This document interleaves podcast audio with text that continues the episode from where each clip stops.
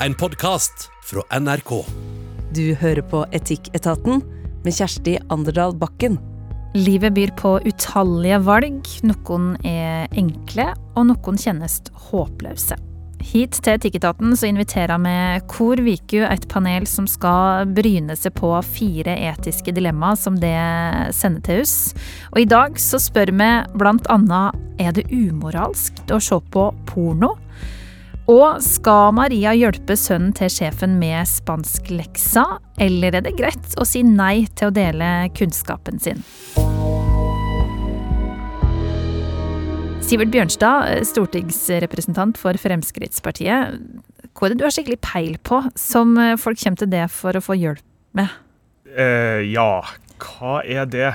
Um, Bortsett fra en samfunnsfagoppgave i parlamentarisme, f.eks.? Ja, jo, men det er, nok, det er nok kanskje det. Um, prøv kanskje, Hvis det er noen som lurer på hvordan uh, Norge faktisk styres, så tror jeg at jeg har noen gode svar på det. Okay. Hvis det er noe praktisk, så kjenner de i hvert fall ikke til meg. ok, Det er lekk. Da kommer de ikke til det. Ikke i det hele tatt. Nei. Eh, men svarer du ja, da, hvis folk spør om denne oppgaven? Eh, ja, stort sett. Eh, og så syns jeg det er enklere å svare ja til folk jeg kjenner, enn helt ukjente. Da. Fordi da vet man ofte mer sånn motiv og hensikt. Og det er litt enklere, da. Mm. Sunniva Gylver, du er prest. Sier du ja hvis noen spør deg om hjelp til religionsleksa? ja, jeg har hjulpet med mange religionslekser, både egne barn og andres. Eh, og jeg sier ja så langt jeg har mulighet til å hjelpe, men det, det er klart det må balanseres, for som prest så møter du jo mange hele tiden som står i store og til dels usynlige kamper. Mm. Eh, og da kan du ikke redde alle og redde verden hele tida. Eh, men jeg sier ja så langt jeg kan, når jeg har noe å bidra med. Du er ikke diskré ute i verden heller. Skal sies at du nå står i Etikketaten-studio med prest Parest på T-skjorta. Vet du, Det har vært så mye bra samtaler eh, bak brødhylla på Kiwi og ute på parkeringsplassen fordi jeg går i det. Så det T-skjorta mi får du aldri. Jens Kiel, kulturredaktør i Bergens Tidende, også målmann. Tar du fram rødpennen hvis noen trenger hjelp med nynorsken? Det er jo, jeg får mye spørsmål om, eh, om retting av nynorsk. Eh, ja. Og da stiller jeg gjerne opp. Eh, jeg syns det er liksom en slags plikt jeg har. Så det er det jeg er god på. Og så er jeg en, en ganske en friskus på flytting. Ikke, wow. jeg, jeg, er ikke sterk, men jeg er sta. så du får det gjort? ja. ja. Ja, men Da veit alle som hører på Etikketaten det, at uh, trenger hjelp med flytting, så er Jens uh, mannen å ty til. Men eh, aller først, før vi skal inn i denne eh, plikta, så skal det handle om eh, porno her i Etikketaten. Og som alltid, send oss gjerne en e-post til etikketaten, krøllalfa nrk.no, hvis du har eller ser et dilemma rundt det som du vil ha panelet sine tanker rundt.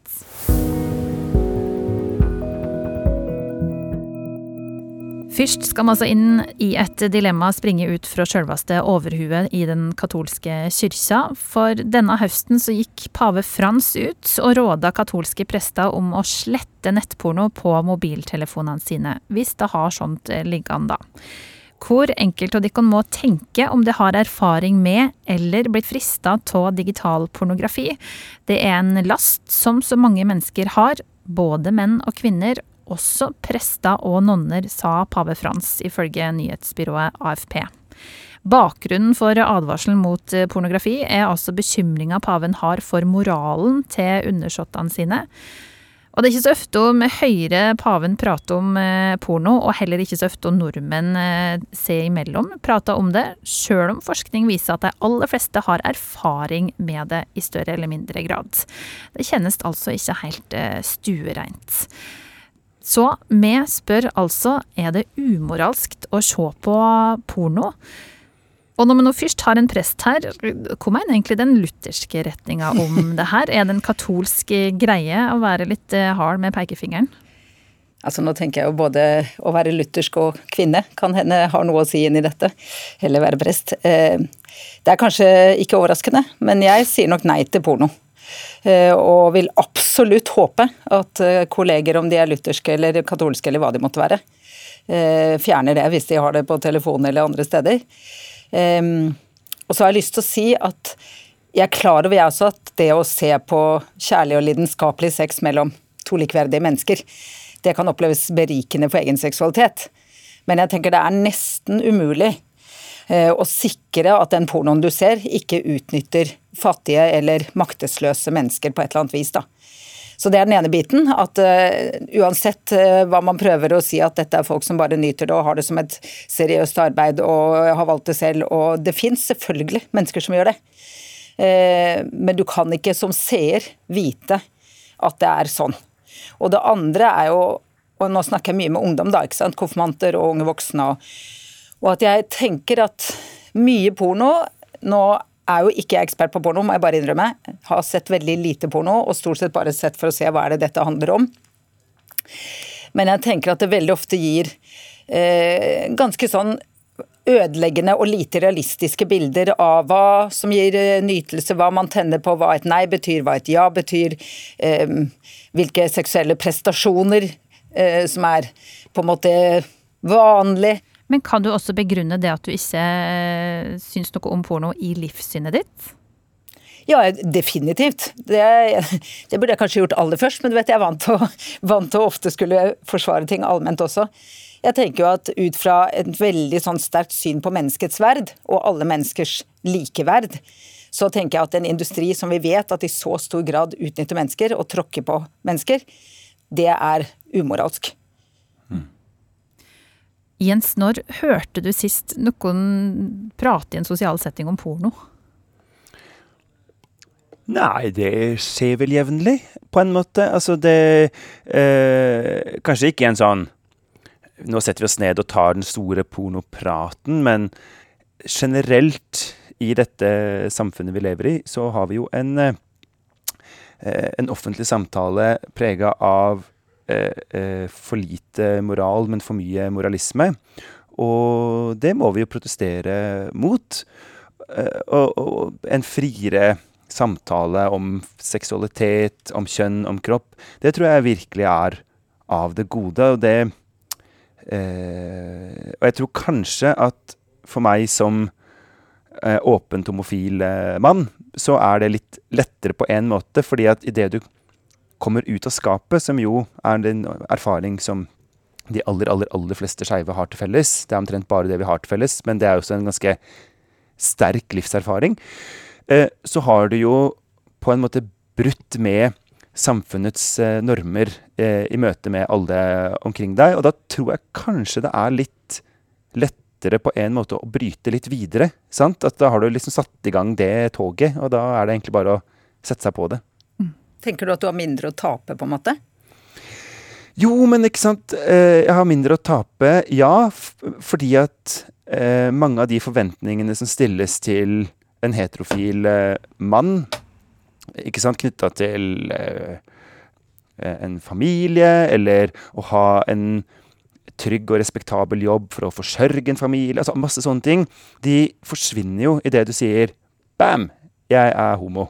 Eh, og det gjør det også litt lettere når man kommer til spørsmålet om, om, om, kjønn og seksualitet. Og man har jo nettopp måttet prate med faktisk alle omkring seg om kjønn og seksualitet, i hvert fall én gang. og ofte mange ganger. Eh, da er jo den samtalen åpna, da. Eh, så er ikke det det samme som at jeg sitter med mine homofile venner og, og, og prater om porno, liksom. Men, men, jeg tror likevel at Jeg tror nok den samtalen om eh, om seksualitet er litt lettere ja, i skeive miljøer. Ja, du, da går vi til den eh, heterofile mannen som også er i panelet her i dag. Kjenner du det igjen i det Jens sier, at det er mindre åpenhet for at du skal snakke om porno enn eh, en skeive? Ja, kanskje. Altså, som heterofil mann så, så, er det jo vanskelig å vite hvordan da eh, skeive opplever det. Men eh, i motsetning til, til Jens, jeg, jeg, kan ikke sist huske eh, når porno var på, på dagsordenen i en sosial setting. Jeg, jeg, kan huske å ha diskutert det i en politisk setting, eh, men, eh, men, ikke at det har vært liksom snakk rundt middagsbordet eller lunsjbordet. Det tror jeg faktisk jeg aldri har opplevd. Typisk snerpete Frp-ere. Ser du på det som et tabu? Ja, jeg tror nok, eh, jeg tror nok i samfunnet at det blir oppfatta som et, eh, et, av de tabuene som man ikke, ikke, snakker om. Og det er jo som det blir sagt i innledninga, at veldig mange har jo erfaring eh, med det, men veldig få prater om det. Og så er det kanskje, det er kanskje ikke noe, noe Ofte i de sosiale settingene så er det ikke noe stor grunn til å begynne å ta opp porno, men det er jo naturlig at det hadde vært av og til. Eh, men, eh, men, det kan jeg rett og slett ikke huske at det har vært. Eh, men jeg, jeg syns jo det er vanskelig å si at det er umoralsk i seg sjøl å, å, se på porno. Så er det nok enklere å være litt bastant på det hvis man glemmer de forholdene i pornoindustrien som Sunniva er, er inn på, som helt sikkert ikke er bra, og som vi alle har lest om òg, tror jeg.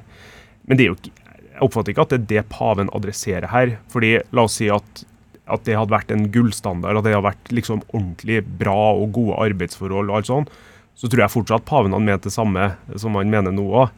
Eh, så jeg tror jo det går på liksom den personlige moralen til hver enkelt. Det i seg sjøl syns ikke jeg er noe umoralsk. Mm.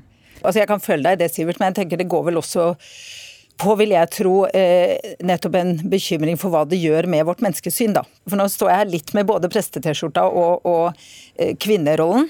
For jeg opplever, jeg opplever i hvert fall at blant eh, kanskje særlig yngre kvinner, da, at vi har, eh, som jeg snakker med, som er generasjonene under meg, eh, jeg var jo med i debatten eh, på Trekant, eller om Trekant, som var et sånt program som gikk på NRK for noen år siden og som jo handlet om eh, å diskutere og snakke om sex i alle mulige varianter, og eh, besøke og prøve. Og, og jeg syns det var veldig lite kritisk program. Det var litt sånn vi er kjempekule og vi tør alt, og dette er artig.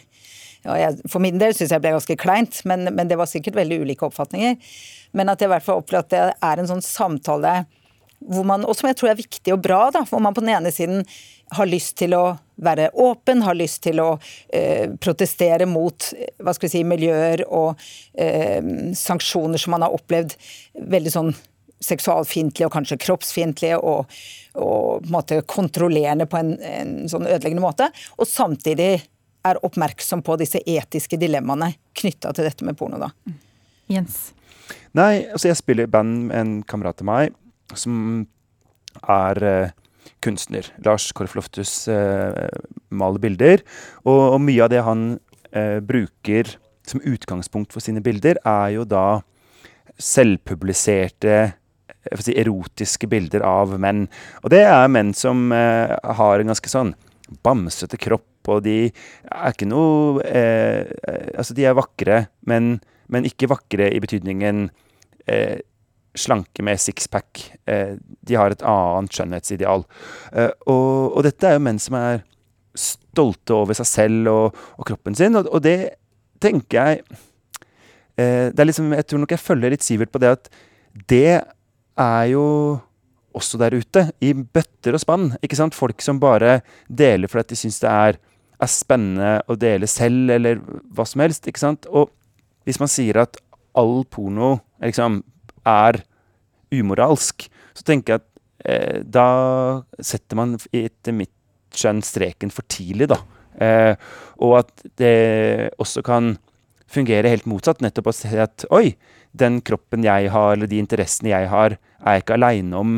Det finnes eh, en verden der ute av folk som oppfatter det samme. Dette er ikke farlig, det er spennende. Og som ikke handler om å kanskje nødvendigvis alltid skulle presse grensen eller strekke strekke seg, men, men nettopp å oppdage en, en, verden som er bare Som kan være fin og spennende, da. Men jeg tror, jeg tror alle er enig med det, eh, det du Sunniva sa i starten, med at det, det skaper jo et, et annet inntrykk av hvordan den virkelige verden er. Eh, men i all den tid pornoen tross alt er ute på nettet der, så tror jeg det er vanskelig å få, å få stoppa det. Og da tror jeg jo alle eh, vet jo at eh, seksualundervisninga på skolen er eh, Det har sikkert blitt bedre de siste årene, men det er fortsatt en lang vei å gå der, tror jeg, for å få vist og bevist at den virkelige verden er noe annet enn hva man ser på, på porno på nettet. Og Da tror jeg du må gjøre den jobben i stedet for å i stedet for å prøve å liksom, eh, snakke til det moralske aspektet til folk om at, eh, om at de ikke skal se porno. Fordi du kommer til å bli påvirka av det i løpet av livet, uansett om du vil eller ikke. Kan du se det, Sunniva, at det finnes porno som ikke er problematisk? Ja, det sa jeg jo helt i starten, at det mm. finnes det helt sikkert. Eh, ja, først må jeg bare si til Jens at jeg tenker jo at den kroppspositivismen som nesten du også beskriver, den er jo kjempeviktig. Og det er klart det fins nettopp, som du sier, den derre sjangeren med eh, selvpubliserte videoer fra par eh, som er på ingen måte perfekte, men med stor glede over både kroppen og sexen. Så jeg har ikke noe vanskelig for å se det positive i det, som dere begge snakker om. Så jeg leste nettopp for ikke så lenge siden at visstnok så har vi langt mindre sex, men vi ser langt mer på porno. Ikke sant? At det er et eller annet med det der eh, skjermlivet vårt, da. Som jeg tenker at uh, påvirker oss ganske kraftig, og som ikke nødvendigvis ikke sant? Man kan si at, at det kan føre til en hva skal vi si, åpnere samtale, og det kan føre til gode diskusjoner. Det tror jeg også det kan, og jeg er helt enig med dere. altså Dette programmet er vel nettopp det vi holder på med. at den gode samtalen har en enorm verdi i seg selv.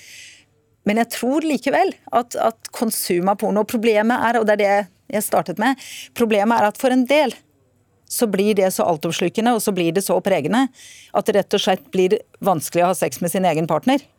Eh, fordi at det kan ikke måle seg og er ikke så lett tilgjengelig og er mye mer preget av bokstavelig talt skitt og smuss og tidsklemme og eh, ufullkommenhet og frustrasjon etter gårsdagens krangel enn den der greia du kan konsumere på nettet helt uforpliktende. Mm. Jeg bare, så jeg bare tror det er, det er, noe med å få det litt ut av sporet når vi spør om det er umoralsk. Det er lett å si ja eller nei, men jeg, hvis jeg må si en av delene, så sier jeg ja, det er det.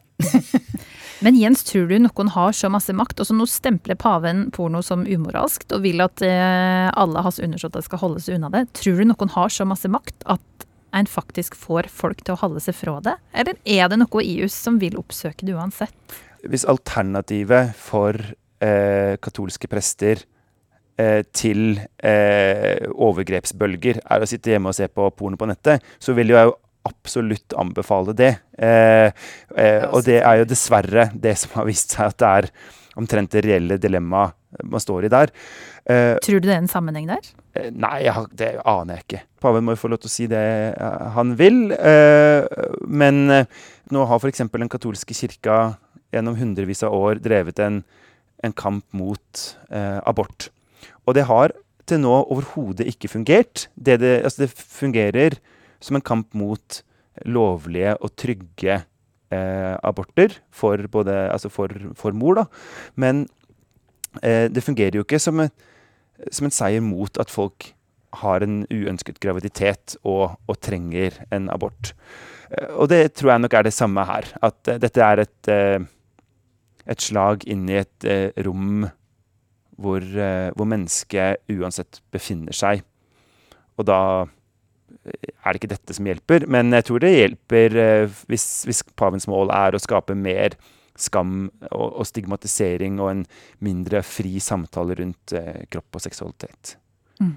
Altså for meg som, eh, som, homofil så er jo eh, så er jo på en måte ikke, ikke akkurat kirka et eh, verken den ene eller andre eh, trosretninga et, et, særlig trygt sted. sant? Den har jo på en måte stort sett gått til kamp mot sånne som meg.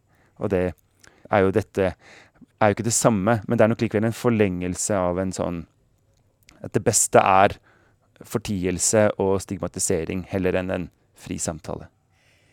Jeg håper jo at du i mindre og mindre grad skal ha rett til det framover. og jeg eh, tenker jo, jeg skjønner veldig det du sier, men jeg håper kanskje at denne initiativet fra paven også kan slå motsatt vei. da, At, at man i det hele tatt begynner å snakke om det. Men jeg vet ikke. Eh, jeg kjenner ikke godt nok til verken de indre kretser eller alle eh, katolske prester, og jeg tror vi skal ikke skjære over én kam verken det ene eller det andre sted, men, men eh, håpet må jo være at man kan diskutere, for det bør jo virkelig gjøres hvis, hvis man har et krav om at folk skal leve i sølibat, altså leve seksuelt avholdende, så er jo det gitt de færreste å gjøre. Det sier Bibelen selv også. Og da må man jo snakke om hva, hva gjør det med oss, og hvordan håndterer vi det. Eh, for min egen del er jeg veldig glad for at det ikke er et eh, krav i den lutherske kirke, men eh, jeg vil jo tro at det er en løpende samtale. Og ikke minst også i forhold til det hele tatt å rekruttere folk, da. Mm. Han fikk iallfall UC Etikketaten til å prate om det. Jeg vet ikke om han ønsket det, men det var i hvert fall en effekt det hadde. Vi skal inn i det neste moralske dilemmaet med her i Etikketaten i dag.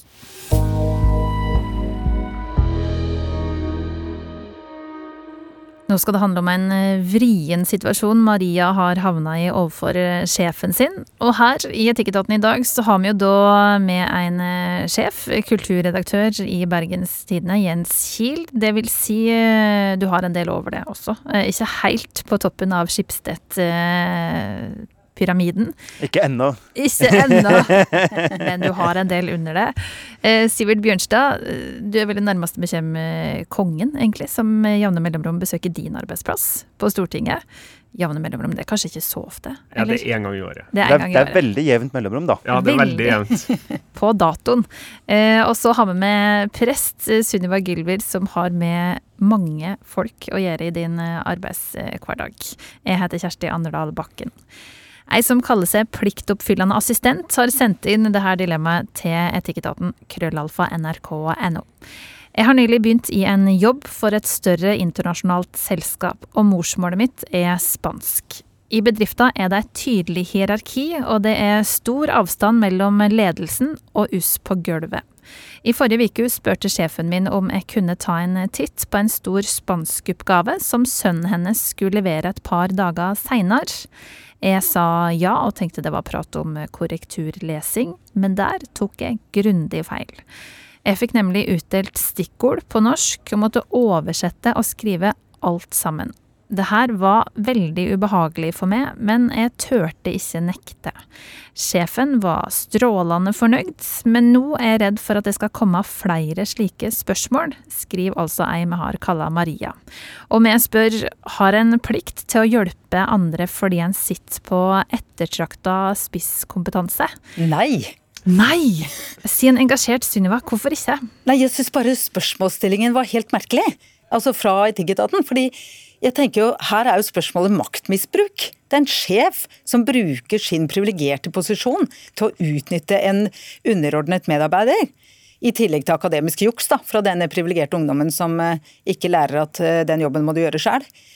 Så han skulle aldri spurt? Aldri! Er du enig i det, Sivert? Eh, ja, jeg er enig i det.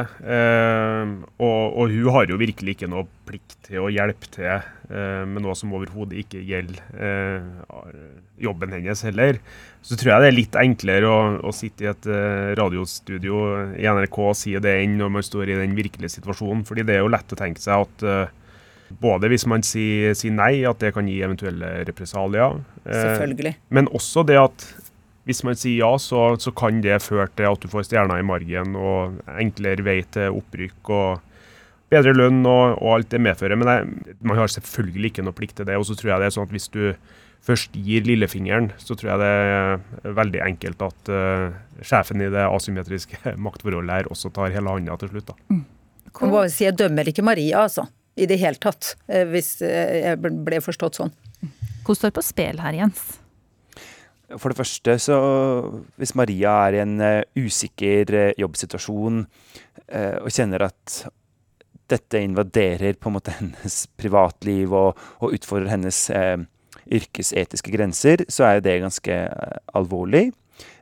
så har du jo denne privilegerte ungdommen som jo blir stående med en Å lære at det å utnytte sine privilegier er det som kan få deg opp og fram. Eh, og som jo er et utrolig kjipt eh, eh en, en, veldig trist ting at ungdom skal lære. For det burde virkelig ikke være sånn. Og så har du jo en annen gruppe her, da. Eh, som er kollegaene til Maria. Fordi noe av det som jeg er mest opptatt av som sjef, det er jo å sende folk hjem i tide.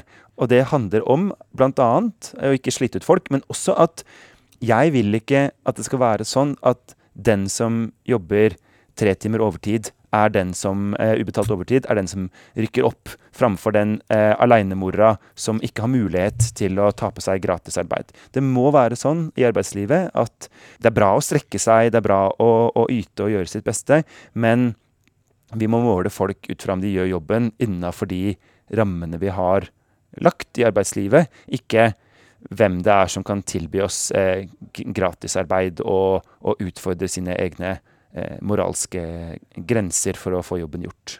Det var eh, klok sjefstale. Tror du du hadde klart det i Maria sin situasjon, eh, Sunniva, å si nei?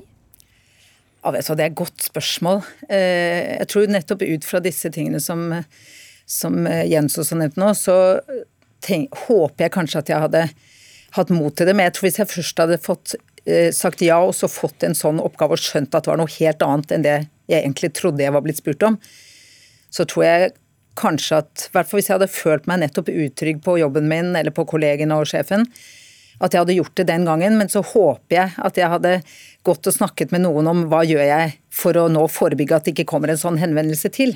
Kan jeg på en hyggelig, men bestemt måte få sagt at eh, det er fint at dere opplevde denne hjelpen positivt, men, men, dette har jeg ikke lyst til å gjøre igjen.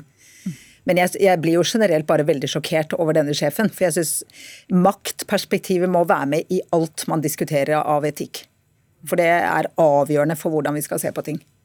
Jeg tror jo også veien ut av det er at hun må jo på et eller annet vis klare å forklare denne sjefen at det her er en bjørnetjeneste for denne sønnen.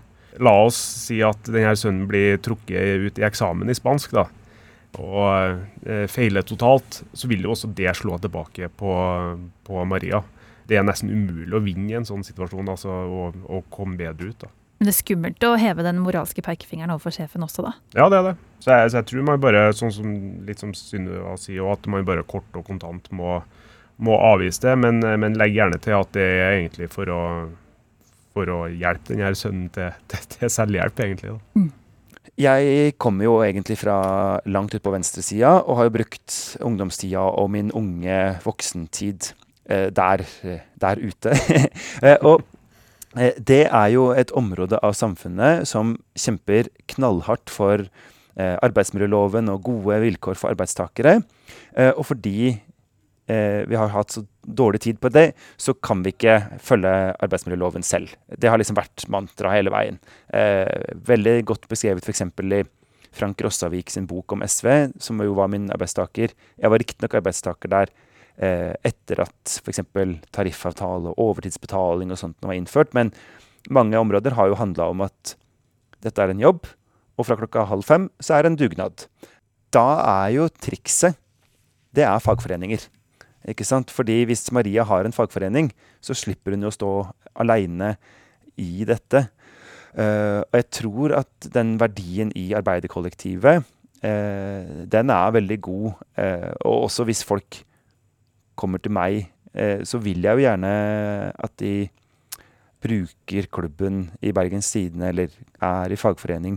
Fordi det gir ofte de, de beste samtalene, ikke sant? Fordi man slipper å stå aleine om ting, og det slipper å bli så personlig. Da er det rett og slett Da kan man snakke om regelverk og prosedyrer og retningslinjer, heller om spansklekser og ja, men hans sønn hadde så dårlig tid, eller du veit han har vært sjuk i forrige uke skal han virkelig ikke komme inn på drømmeskolen pga. det. Ikke sant? Eh, Men tror du ikke at Maria kan bli eh, straffa likevel, hvis hun har et vikariat f.eks., og det blir en eh, fagforeningssak ut av det her? Selvfølgelig så kan det skje, men sjansen er jo mindre, da. Når, hvis hun har resten av arbeidsplassen i ryggen.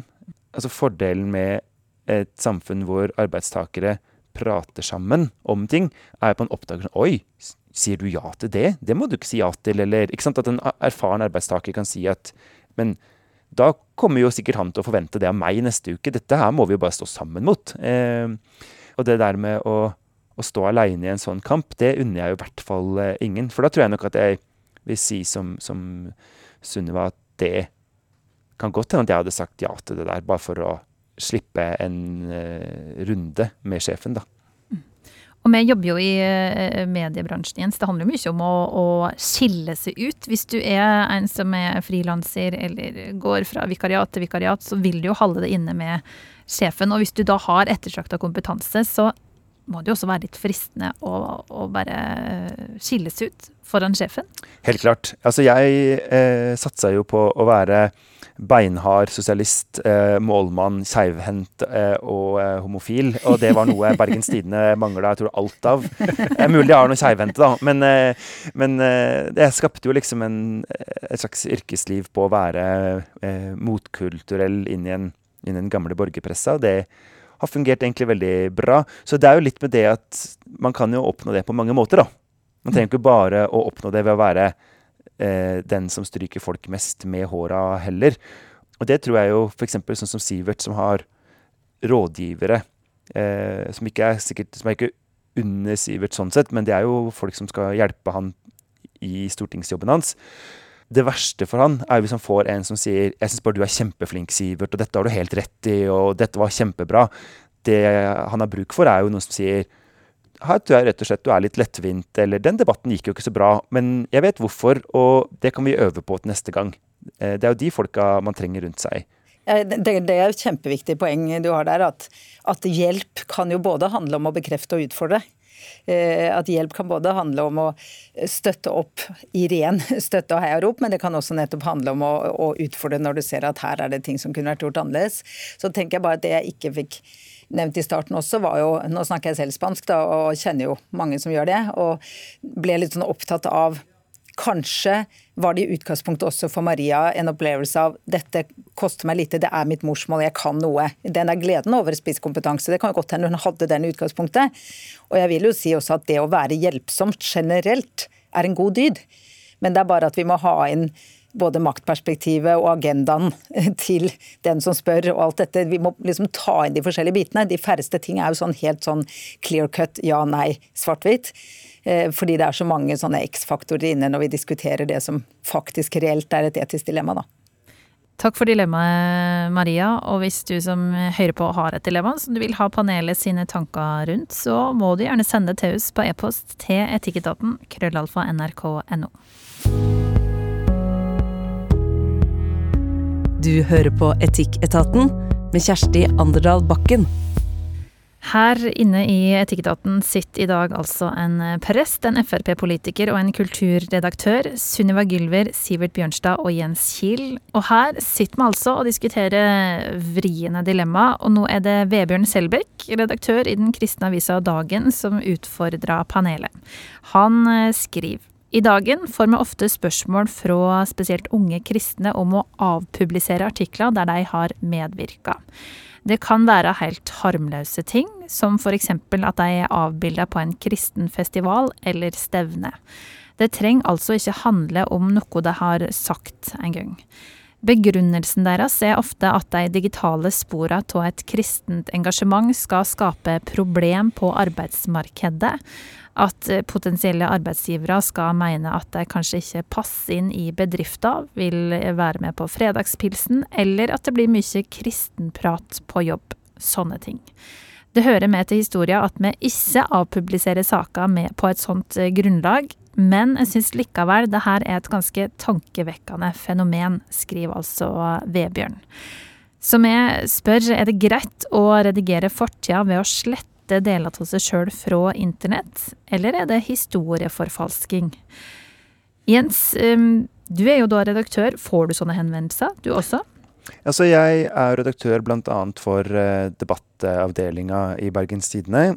Det hender at vi får uh, sånne spørsmål. Ikke så veldig ofte. Eh, og jeg skulle gjerne visst litt mer om hva min kollega rett borti gata her Altså hvor, når han sier ofte, for jeg har hørt fra dagen før at det har vært mer det har hendt. Men, men det hender at vi får spørsmål. F.eks. noen som sier jeg skrev dette reisebrevet en gang i tida. Nå har jeg en annen mening om den saken. Kan dere slette? Og det, det kan vi jo selvfølgelig ikke. Eh, og jeg mener jo at f.eks. det å endre standpunkt har en stor verdi i seg selv. Um, Hvorfor er det så selvsagt å ikke avpublisere?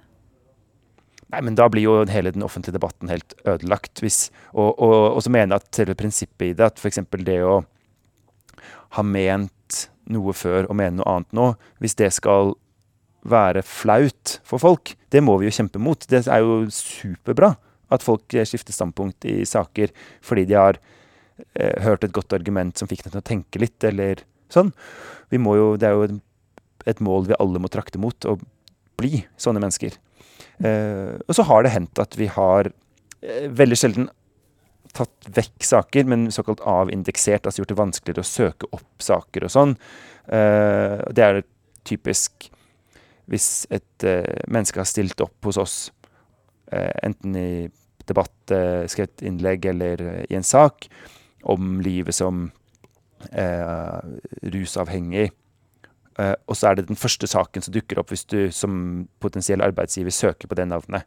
Og så sier de 'jeg er ikke lenger det mennesket', og det at denne saken fins Jeg vet jeg stilte opp, men det gjør på en måte at livet mitt står helt på stedet hvil etter en lang avrusningsperiode. Altså da er verdien for det mennesket større ved at vi avindekserer, enn det er for oss eh, for den offentlige debatten, eh, vil jeg si, da. Men- avindeksere altså gjør det eh, mindre søkbart. Ja. Ja. Eh, men det vil jo fremdeles f.eks. finnes i vårt e-avisarkiv og ja. Men det må, vi må liksom opp på det nivået før vi er åpne for å, å ta det vekk, da.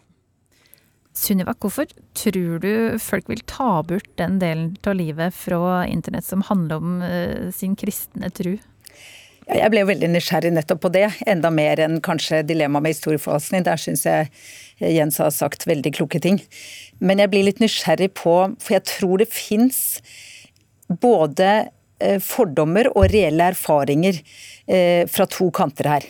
Eh, Både vet jeg at det er helt riktig at en del kristne ungdommer forteller at de opplever at de blir eh, stigmatisert. Nå tenker jeg Det er jo ingenting i forhold til hva f.eks. muslimske ungdommer ofte vil oppleve. Men det er jo avhengig av hvilke miljøer du er i, eh, og hvor du søker deg inn. for å si det sånn. At man kan oppleve seg stigmatisert eh, hvis man er f.eks. kristne, og er, det eksplisitt. Og Hvis man da har vært på en festival, la oss si den der Telenor Arena-festivalen i fjor sommer som du har skrevet en del om, og som kanskje har et litt sånn karismatisk, misjonalt tilsnitt, så tror jeg nok det er helt reelt at for noen så vil det være hmm, en interessant opplysning som kan eh, veie både på pluss- og minussiden, for å si det sånn. Samtidig som jeg tror at det også fins i noen kristne miljøer nærmest en sånn retorikk på vi mot dem og verden er fiendtlig innstilt, og en sånn type viktimisering, da. At det skal lite til før man føler at jeg blir stemplet og sett ned på hvis jeg kommer fram med at jeg er kristen. Eh, Men jeg skal være litt forsiktig med å uttale meg, for jeg er jo eksplisitt og tydelig offentlig person som prest og har vært det lenge, så da er jeg kanskje på en måte litt beskyttet. Eh, Folk vet nå hva jeg står for, og de som ikke liker det, de eh, sier det kanskje til noen andre, eller så har de sagt det for lenge siden. Men jeg tror også den andre veien. Jeg har hørt noen, og jeg snakker med noen nesten jeg skal ikke si hver uke, men ganske ofte, som har veldig rare oppfatninger for meg da, som kristen av hva, hvordan kristne er, og hva de tenker. Og som f.eks. tenker at nesten alle er eh, mot vitenskap og, og utviklingslære. Eh, og det er klart, i en norsk kontekst så stemmer ikke det.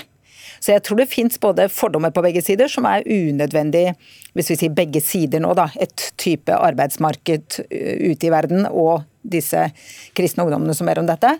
Eh, Så tror jeg både det fins fordommer som er eh, veldig sånn eh, ekstreme ytterpunkter og, og stereotype på begge sider. Og så tror jeg også det fins helt reelle erfaringer av at man eh, kan bli mistenkeliggjort eller stigmatisert. Sivert, du er trolig den i panelet som det har blitt skrevet mest om i media. Er det noe du gjerne skulle ha fjerna?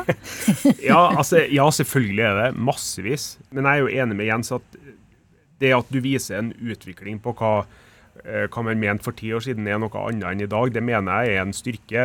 Eh, Men hvis jeg, hvis jeg helt fritt skulle ha bestemt, eh, så det utspillet jeg hadde i 2014 i Adresseavisa om at det burde bli kasino på Munkholmen f.eks., det er ikke, det er ikke gitt at jeg ville ha sagt det samme i dag.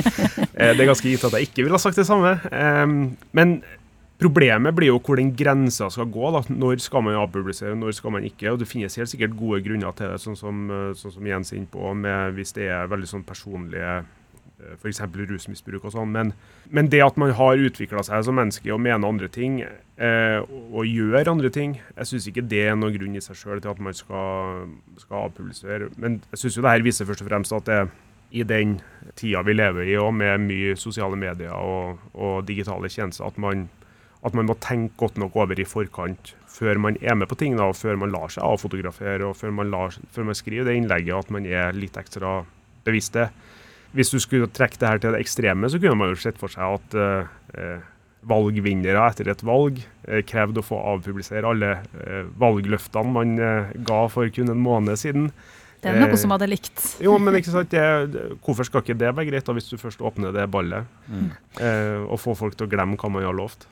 Men er det ikke, Sivert, eh, hvis det da er noen som søker opp eh, det kasinoutspillet, eller det dukker opp hvis de søker på navnet ditt, eh, er det ikke litt deilig òg å kunne bli konfrontert med det? Og så kan du si at 'Å nei, men det mener jeg absolutt ikke i dag'. Da virker du som et menneske i utvikling.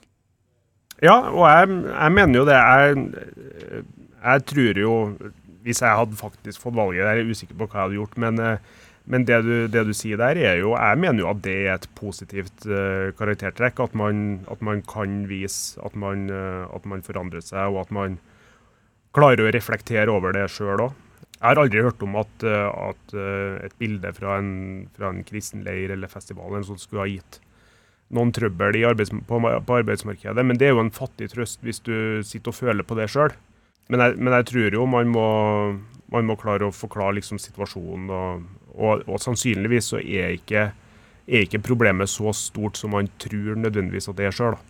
Jeg tror jo eh, at noe av det som er nyttig eh, når vi diskuterer troende i det norske samfunnet, er jo hele tida være litt sånn nøye på eh, hvem i den gitte situasjonen er det som har makt, og hvem er det som har avmakt. Ja. At liksom i, i, i Norge i stort så er jo flertallet regner seg som Eller eh, flertallet er jo medlem av, av Norske kirka, og, har, eh, og Norge er fremdeles på mange måter et kulturkristent eh, land. Men flertallet sier at de ikke tror på Gud og ikke er religiøse.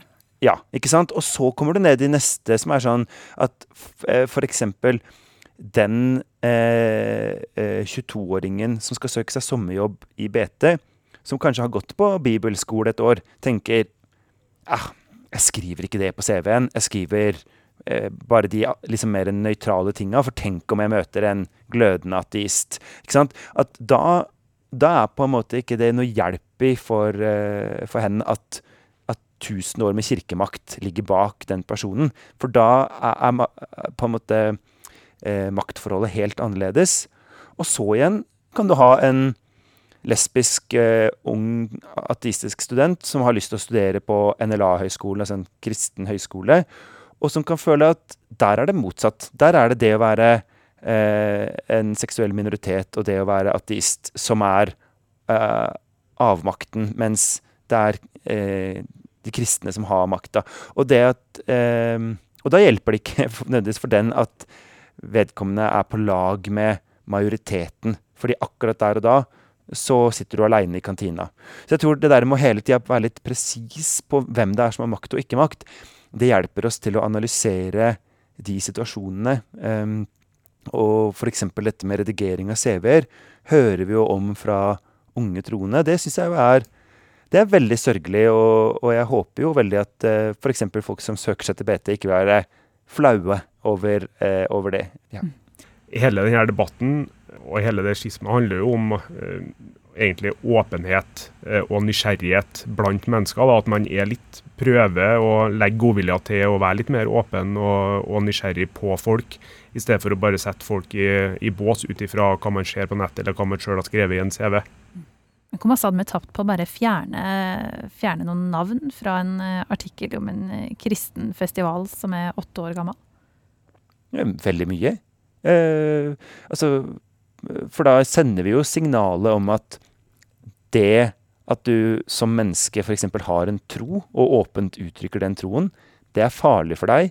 Eh, det er et tap for deg. Det må du passe deg for. Det er jo virkelig et samfunn som er Det er så dystopisk at det tenker jeg er sånn Vår jobb, eh, som jo har eh, makt på hver vår måte, må jo nettopp være å fortelle folk, unge, gamle, hvem som helst, at Stå fram med den du er, og argumenter for ditt eh, syn i full offentlighet. Eh, og det skal du i Norge kunne gjøre trygt og frimodig. Vi skal videre med til dagens eh, siste dilemma. Det skal handle om eh, dåp.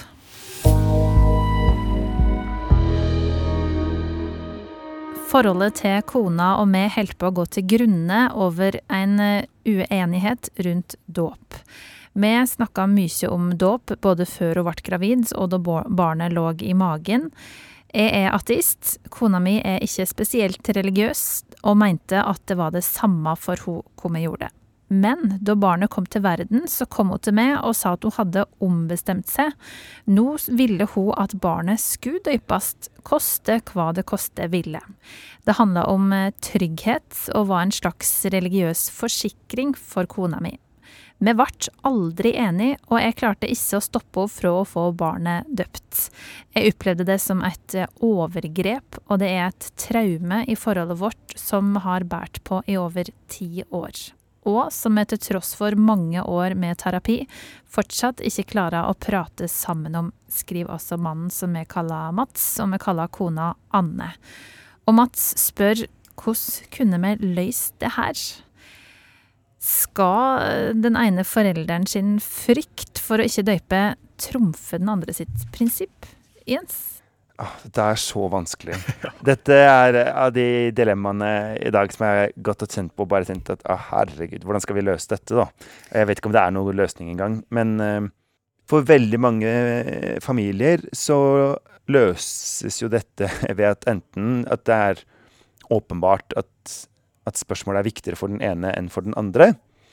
At den andre føyer seg. Eller vinner en annen diskusjon, på en måte. Eller at man finner et kompromiss. Altså f.eks. Eh, en borgerlig vielse, men en samtale hos presten i forkant, eller en navnefest, men med bibellesing eh, for et eh, lite barn. Men akkurat her Nei, send inn presten. Sunniva! jeg syns du, du, snakker langt på vei som en god prest, Jens. Eh, men Sunniva, du har egne unger og eh, var i lag med en ateist. Hvordan klarte de å finne ut av eh, dåp eller ikke? Eh, jeg syns jo også som Eller jeg sier ikke det samme som Jens, men at jeg også syns at dette var et veldig interessant dilemma. Og jeg, Lars Istan, som dessverre døde i fjor, han var jo selv ikke religiøs. Eh, og da vi fikk barn, så jo, hadde vi jo flere eh, diskusjoner både rundt eh, dåp og oppdragelse og andre ting.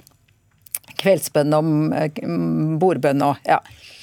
Og når det gjaldt dåp, så snakket vi en del. Shistan ønsket ikke at vi skulle døpe barna, fordi han ville at de skulle velge selv når de ble store nok. Og det er jo et argument jeg møter ganske ofte. Og da kjenner nok jeg litt på at i dagens Oslo, i hvert fall, da, som jeg kjenner best, eh, selv om det er mye i Oslo jeg ikke kjenner, så tenker jeg at det er så mikroskopisk sjanse for at et barn skal liksom finne ut av religion på egen hånd. Det er ganske viktig å vite at du stenger kanskje noen dører uten å ville det. For jeg opplever at ukentlig har jeg dåpssamtaler med mennesker, og som hvor de ofte har diskutert. Og jeg syns det er kjempebra at det nå er et mangfold av måter å gjøre ting på, så det ikke ligger en tung sanksjon over deg på å gjøre det ene eller det andre.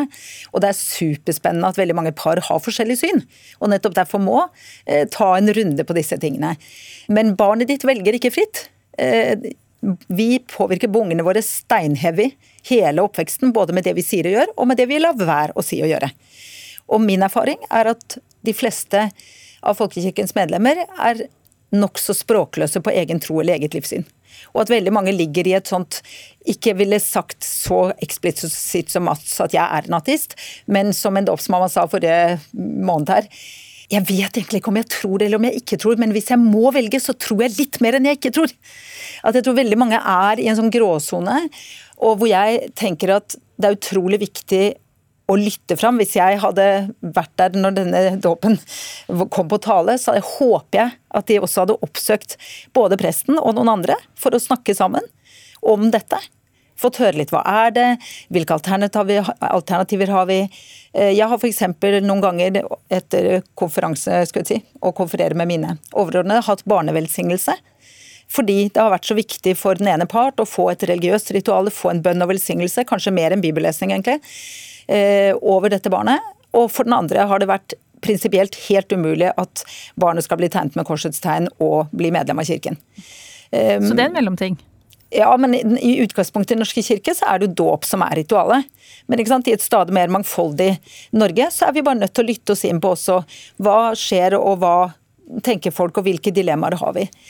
Og jeg hadde en konkret situasjon med en folkekirkemamma som kom for mange år siden i Gamle Oslo eh, og ville døpe sine to barn. Og hun hadde da en, en eh, gambisk og muslimsk eh, far til barna.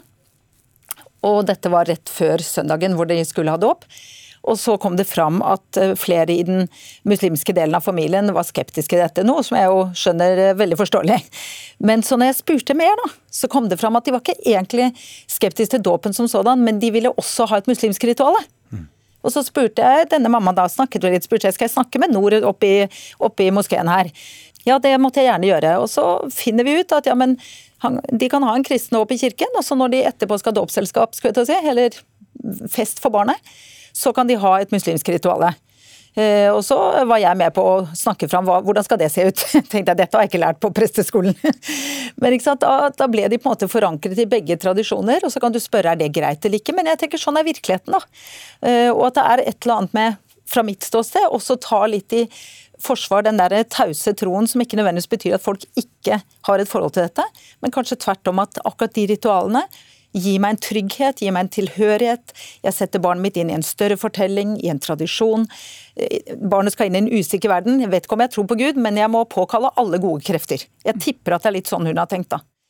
Og så skjønner jeg samtidig at Mats opplever at det ble utrolig urettferdig fordi de hadde gjort en deal.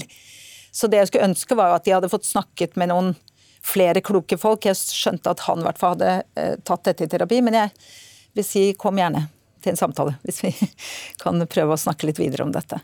Altså, min opplevelse er litt annerledes enn den uh, Sunniva forklarer, egentlig. Um, da jeg konfirmerte meg for uh, eh, 16-17 år siden, så uh, var det fire eller fem stykker i klassen som, uh, som valgte å døpe seg for å kunne konfirmere seg i, i kirka sammen, sammen, med oss. Så, så, jeg har en litt annen opplevelse. og det det gjør nok at jeg også Jeg har ikke barn sjøl, eh, men eh, hvis eller når den dagen kommer, så, er, så tror jeg begge vi to er veldig usikre på hva vi ville ha gjort. Fordi jeg har med meg det at det er faktisk mulig å velge sjøl når man er 14-15 eh, år og er ungdom, har et mer bevisst forhold til det.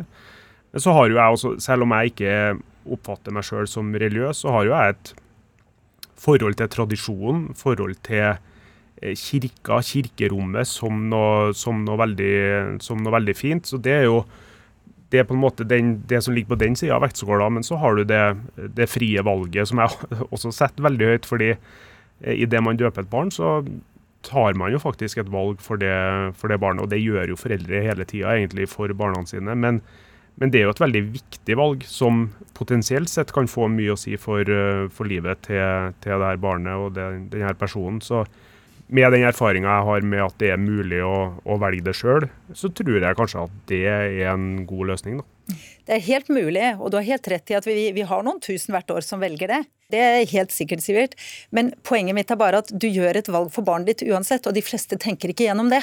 Mm. Ikke sant? Når det gjelder andre ting rundt barnet, så lærer du dem å ta tran, og du lærer dem å gå på tur og si takk for maten og være hyggelig, og du tar dem med på kulturopplevelser, for alt dette mener du er viktig.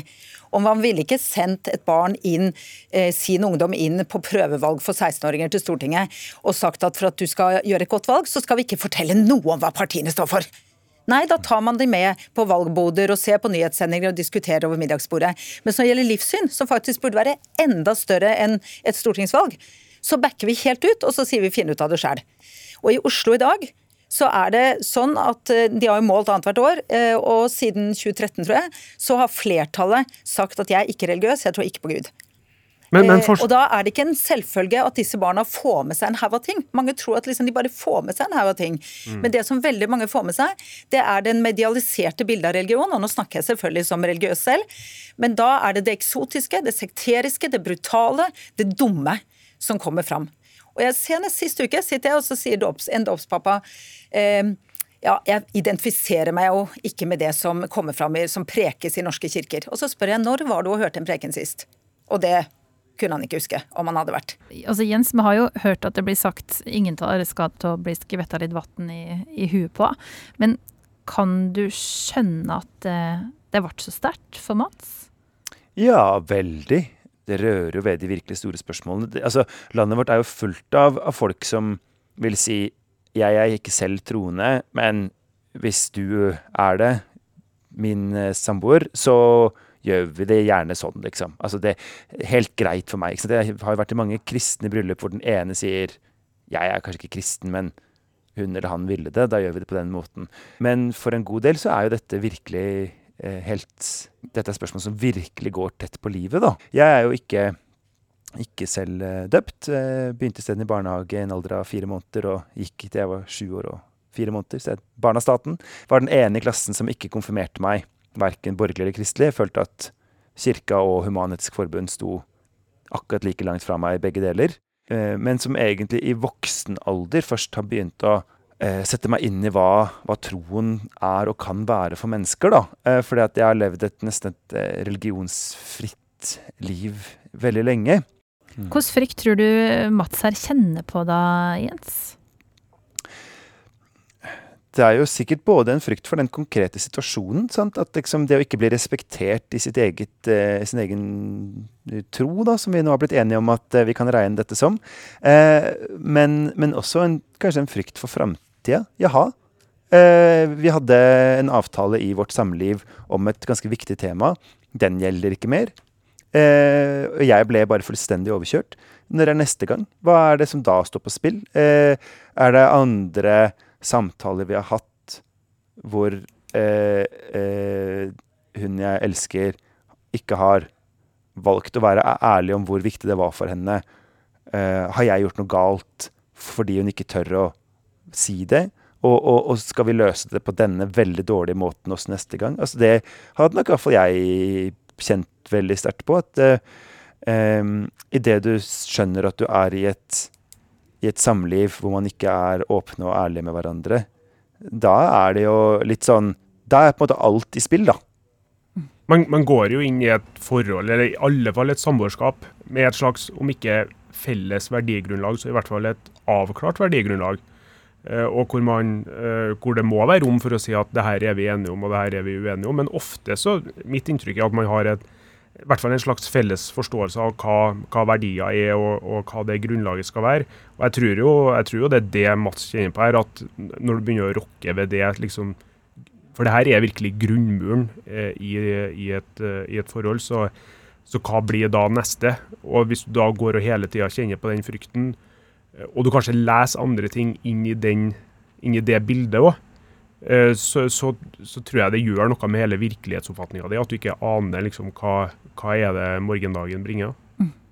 Det er jo fordelen med å være sammen med en politiker, da, så veit du i hvert fall noenlunde hvilket partiprogram du har i vente. Ja, i hvert fall når vi er to politikere. men det er ikke sant, Som lever av å bryte løfter, ikke sant? Ja, ja kjempebetryggende. Og med det så sier vi at tida vår ute her i Etikketaten i dag. Fire etiske dilemma har fått eh, nye tanker, og de kom fra prest Sunniva Gilver i Fagerborg menighet, stortingsrepresentant for Fremskrittspartiet Sivert Bjørnstad og kulturredaktør i Bergens Tidende, Jens Kiel. Neste uke er vi tilbake med et nytt panel og nye dilemma. Send oss gjerne e-post hvis du har et tema som du vil at vi skal ta opp. Adressa det er etikketaten krøllalfa nrk.no. Fram til da så kan du høre mer fra oss i appen NRK Radio. Der finner du mange episoder som podkast. Jeg heter altså Kjersti Anderdal Bakken, og vi høyrest. Du har hørt en podkast fra NRK. Hør flere podkaster og din favorittkanal i appen NRK Radio. Musikkrommet med Sandeep Singh. God musikk rører noe i oss alle. De store konsertopplevelsene, de fengende hitsa, de spennende gjennombruddene og alle de der revolusjonerende platene. Men opplevelsen blir enda sterkere når vi vet hvordan den blir til, og hvorfor musikerne lager den akkurat som de gjør. Vi gir deg det du trenger å vite om musikken du elsker, og den du ikke visste at du digger. Sjekk ut episoder om både de legendariske artistene og de helt ferske nykommerne i Musikkrommet i appen NRK Radio.